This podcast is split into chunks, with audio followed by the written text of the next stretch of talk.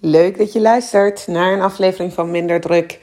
En deze is speciaal voor jou en voor iedereen die heel goed is in het rationaliseren van je gevoelens. Dat is namelijk iets wat op de een of andere manier bij heel veel van mijn klanten zo werkt. En ik geef eerlijk toe, bij mij precies hetzelfde. Dus misschien is deze ook wel een beetje voor mij. Maar waar dit over gaat, is dat je het ervaren van emoties, ehm, dat je dat in een soort ja, intellectueel, analytisch, rationeel laadje stopt. Dat je heel goed bent in het beschrijven en bedenken van wat er aan de hand is en wat je daardoor voelt en wat je daarmee zou moeten doen. Waar je heel onrustig van wordt, is als je dat niet kan. Dus als je denkt, wat is er nou toch met me aan de hand? Waarom voel ik me nu zo? Ik heb toch, en dan ga je weer dat rationele laadje open doen met, ik heb toch mijn werk gedaan. Er is nu geen aanleiding voor directe stress.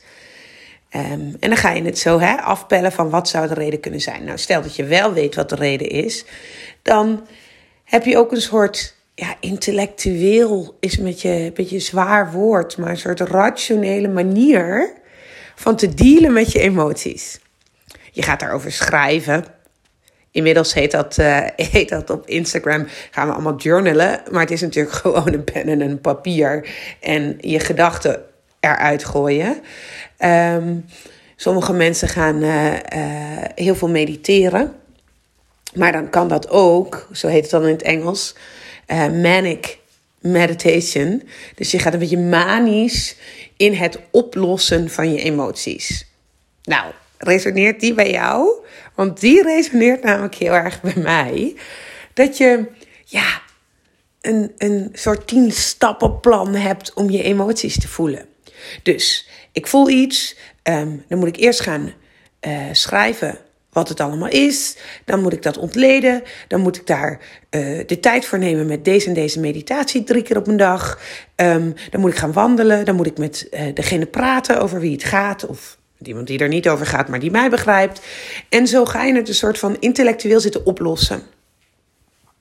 Maar het ding van emoties is, er is maar één weg om met je emoties om te gaan. En dat is er dwars doorheen voelen. Ze er te laten zijn.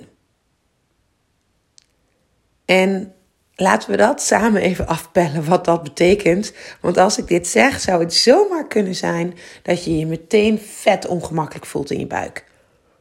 Hoezo emoties er laten zijn? Hoezo je onrustig en slecht en vervelend en ongemakkelijk voelen? Maar het ongemak toestaan, het niet weten. En hier heb ik het helemaal niet over iets softs. Ik heb het helemaal niet over dat je nu een soort spirituele, uh, boeddhistische sessie met jezelf moet gaan houden. Ik heb het over niets anders dan op de stopknop drukken. Alleen maar dat. Hoe onrustiger je bent, hoe meer je wilt gaan doen, hoe meer je wilt gaan oplossen, hoe meer je wil gaan analyseren en hoe meer je wil dat je aan iemand anders kunt gaan vertellen, verstandelijk vanuit je hoofd, wat er aan de hand is. Want deze en deze, deze dingen zijn gebeurd, dit en dit en dit zijn mijn reacties. Maar dat is een verhaal dat je je afspeelt in je hoofd. En om te kunnen voelen, moet je naar je lijf. En als ik dit tegen je zeg en je voelt dat een beetje zo in je lijf, dat je denkt, dat is niet prettig, dan is het juist voor jou heel bruikbaar. Um, dan is het juist voor jou. Als je dat ongemak nu even voelt. Maar ik zeg niet dat het makkelijk is of dat het vanzelf gaat. Want je eerste neiging, en ik weet dit, want dit is ook mijn eerste neiging en mijn klanten hebben deze neiging ook, is om naar je hoofd te gaan en het te gaan verklaren. Waarom voel ik me nou zo? Oh, het ligt daaraan. Terwijl soms heb je even helemaal geen woorden nodig. Soms hoef je even helemaal niets te verklaren. Soms heb je alleen maar even je gevoel te voelen en erbij te blijven. Zonder jezelf een verhaal te vertellen, zonder te analyseren, zonder in je hoofd te gaan zitten. En ik zal heel eerlijk toegeven, mij gebeurt dit en ik vraag hier hulp bij. Als ik hier niet uitkom, in de, in de lichte kleine gevallen, vraag ik dat gewoon bij een, een goede vriendin. Maar ik heb heel vaak coaching. En bijvoorbeeld, um, dat kan op een heel lang traject zijn, maar soms is het gewoon op één issue. Waarvan ik zeg, ik stap in een verhaal. Ik ga rationaliseren, analyseren. Ik heb hulp nodig om naar mijn gevoel te komen. En wat iemand dan doet, en omdat ik zelf coach ben, kan ik dat zien. Um, iemand die, die spiegelt. Iemand die onderbreekt me. Iemand die zegt: Ho ho, je zit nog in je hoofd, ik voel dit niet. Je staat niet in verbinding met jezelf. En dit klinkt misschien voor jou een beetje raar, in verbinding met jezelf. Ik vertel dit toch allemaal. Maar haal eens diep adem. Ga eens naar je lijf. En voel nog eens een keer wat er gebeurde toen ik net tegen je zei: er is maar één weg door die emoties. En dat is er dwars doorheen. Je hebt er even bij te blijven. Je hebt het even te voelen. Kun je dat voelen? Dat ongemak, dat onrustige gevoel, dat ik weet het niet, ik wil het niet. Kun je dat voelen? Lukt het je om dat toe te staan?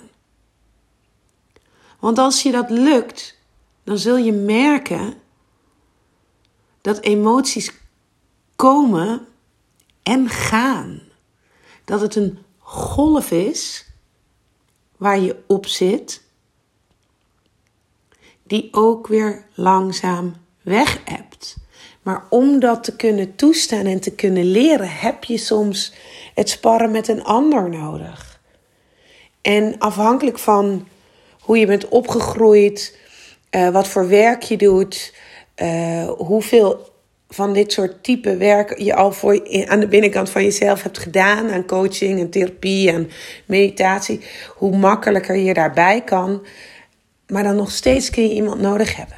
En dus ziet het er voor iedereen anders uit welke hulp je daarbij nodig hebt.